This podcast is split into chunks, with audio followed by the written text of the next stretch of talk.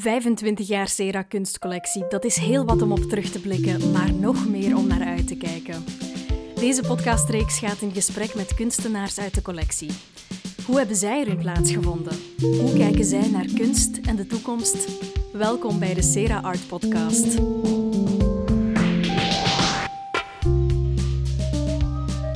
In deze aflevering gaat Eva Wittox, curator hedendaagse kunst M Leuven, in gesprek met Anne Daams. In 2001 kocht Sera een eerste werk van haar aan. Intussen zijn er 15 werken van haar in de collectie opgenomen. Ik wens je veel luistergenot.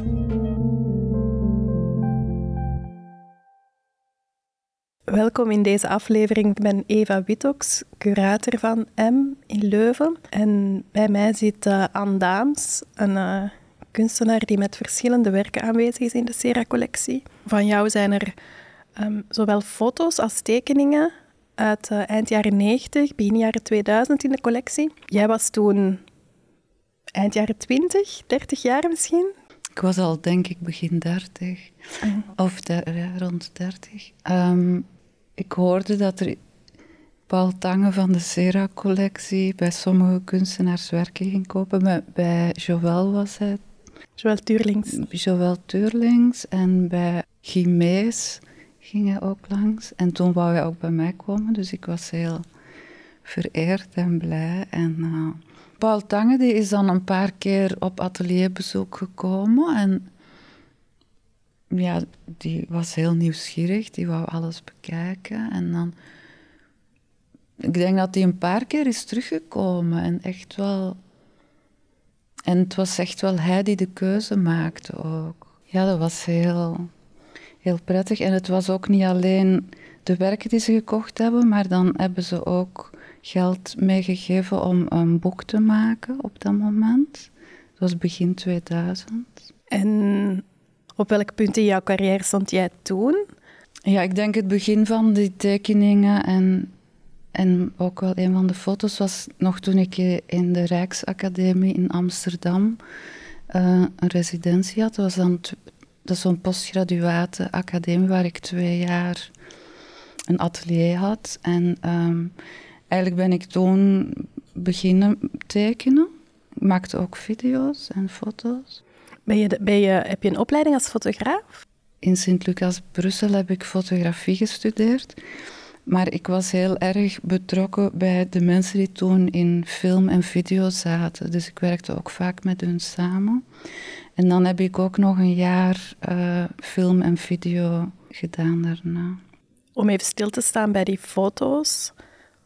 Um, die vroege werken van jou, ook deze die in de collectie zitten, daar zien we eigenlijk um, stadsbeelden. Hè? Mensen in, in de urbane omgeving, een soort portretten die geen portretten zijn. Ja, het is een beetje in het stedelijk landschap aan de rand van de stad of, of in de stad. Um, ik observeer hoe mensen zich daarin bewegen. Eigenlijk figureren mensen daarin. Ze weten vaak niet dat ik die foto's neem. Nooit geanceneerd?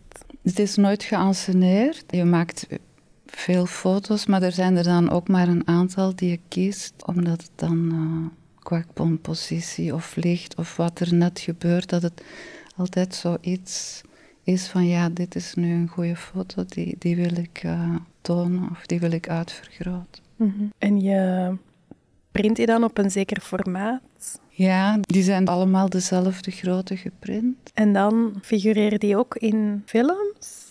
Wel, de films is iets anders. Ik maakte ook films. Mm -hmm. En een beetje hetzelfde van die kleine observaties van mensen die dingen doen in real time. Zo kleine stukjes. Maar later ben ik dan ook wel meer specifiekere films gaan maken. Bijvoorbeeld die video-installatie in de tuin van mijn vader. Dus dat ik niet meer anonieme mensen observeerde, maar wat er dan allemaal gebeurde in de tuin van mijn vader, dat hij de figurant werd. Mm -hmm. Van de openbare ruimte je toen een beetje naar de meer intiemere omgeving ja. of zo. Wanneer je die foto's maakt in de publieke ruimte, wat triggert jou om... Hè, je kan gelijk wat fotograferen, zeg maar. Waar was je specifiek naar op zoek? Ik was niet specifiek naar iets op zoek, maar dan plots ben je gefascineerd en konden heel eenvoudige dingen. Zijn. Een, een, man die in zijn garage staat te rommelen, of hoe dat licht daarin valt, of een vrouw die een huis binnengaat, maar dat is dan zo net één seconde dat dat zo ja. een juist beeld is. maar eigenlijk gebeurt er niks, maar toch, toch gebeurt er veel. En een dia-serie die ik gemaakt heb was 72 Girls and Some Boys Who Could Be Models. Dat, dat gebeurde vaak dan als ik in New York was, dat je iemand zag en dan dacht je, ah, dat zou een model kunnen zijn. En misschien waren ze dat ook. Ja, in het begin was het zo bijna een soort spel, spel of zo, dat je daar dan dat die dan ook begint te fotograferen.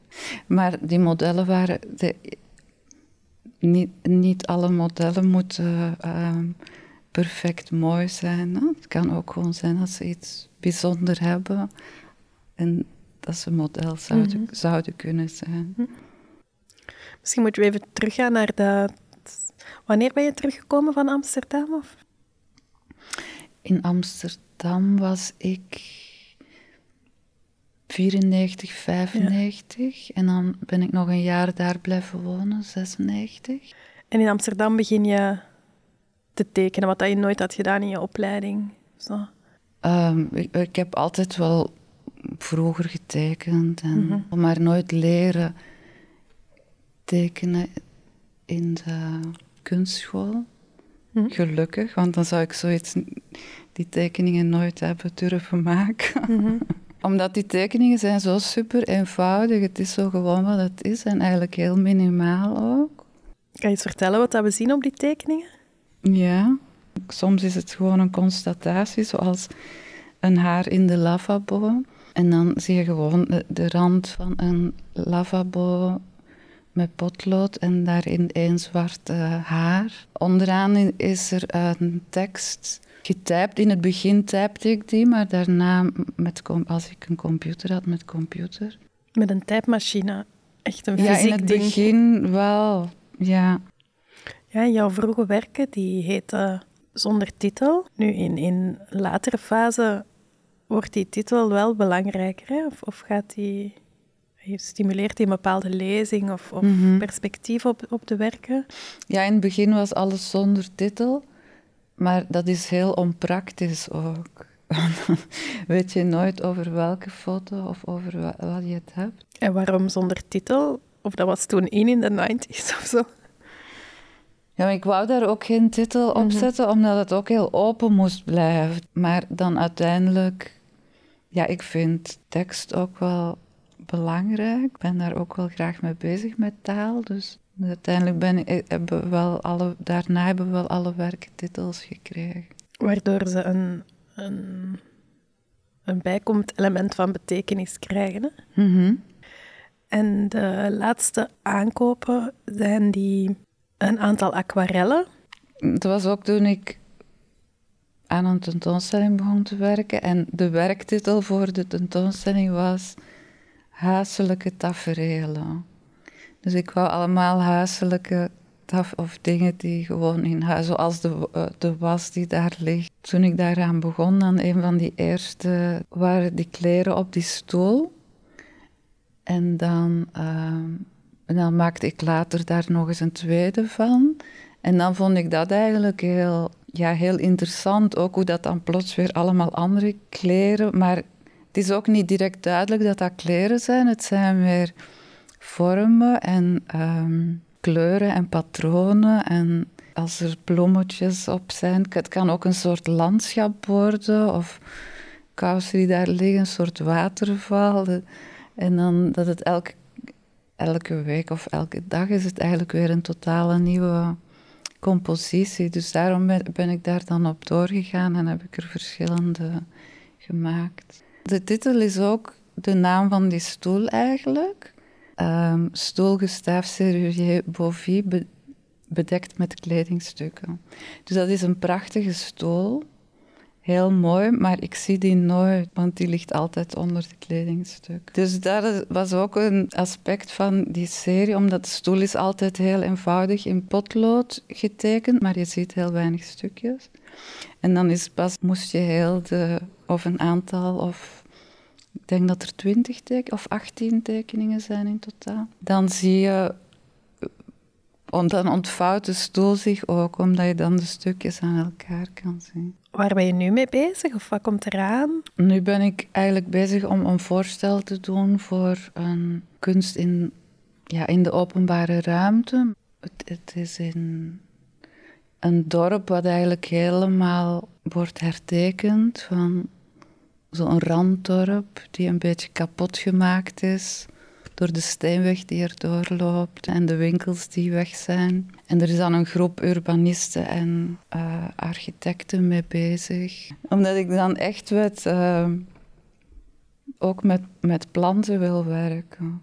Of dat het ja, bijna een botanische sculptuur wordt. Omdat er daar rond zijn heel veel natuurgebieden. En dat dan die natuur ook terug echt in het dorp komt. Op, op basis van wat welke planten er in, in die natuurgebieden staan, wil ik zo'n kleine selectie maken. Er komt dan ook een, zo'n kleine tafel, maar dan in koper of brons, waar ook wel een, een, waar een potje op staat, maar waar altijd een beetje water in staat, zodat ook de vogels daar naartoe komen. En uh, op de tafel of op de potjes kruipen insecten, maar die zijn dan ook in brons. En dan daar rond zijn allemaal planten, groenten, struiken, een paar bomen. Maar ik wil zo'n hele goede selectie maken dat er eigenlijk heel het jaar door iets in bloem staat. Als het allemaal heel juist zit, dan zou er op termijn geen werk aan moeten zijn, want dan houdt dat zichzelf in stand. Maar een boom is niet direct groot. Hè? Mhm. In het begin moet er wel voor gezorgd worden. Ik heb al wel een paar keer ehm, iets voor de Vlaamse bouwmeester gedaan. In, allee, kunstintegratie, maar dat was dan... En hoe is dat anders? Ja, Daarvoor... omdat je dan speciaal iets moet doen in die context voor die problematiek waar het terechtkomt, of de functie van het gebouw waar het terechtkomt. En je maakt ook geen werk voor een kunstpubliek, maar voor ja, mensen die, die tijdelijk dat gebouw gebruiken. Er zijn ook altijd specifieke voorwaarden wat er dan verwacht wordt. Dankjewel Anne Daams om het even ja, door je werk te leiden en even stil te staan bij de werken die uh, Sera in de collectie heeft. Met veel plezier.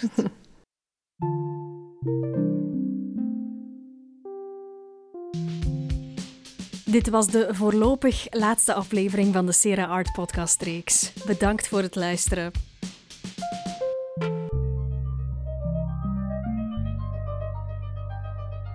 De Sera kunstcollectie wordt bewaard en beheerd door Museum M Leuven. Wil je meer weten over onze collectie? Ga naar sera.coop/nl/kunstcollectie.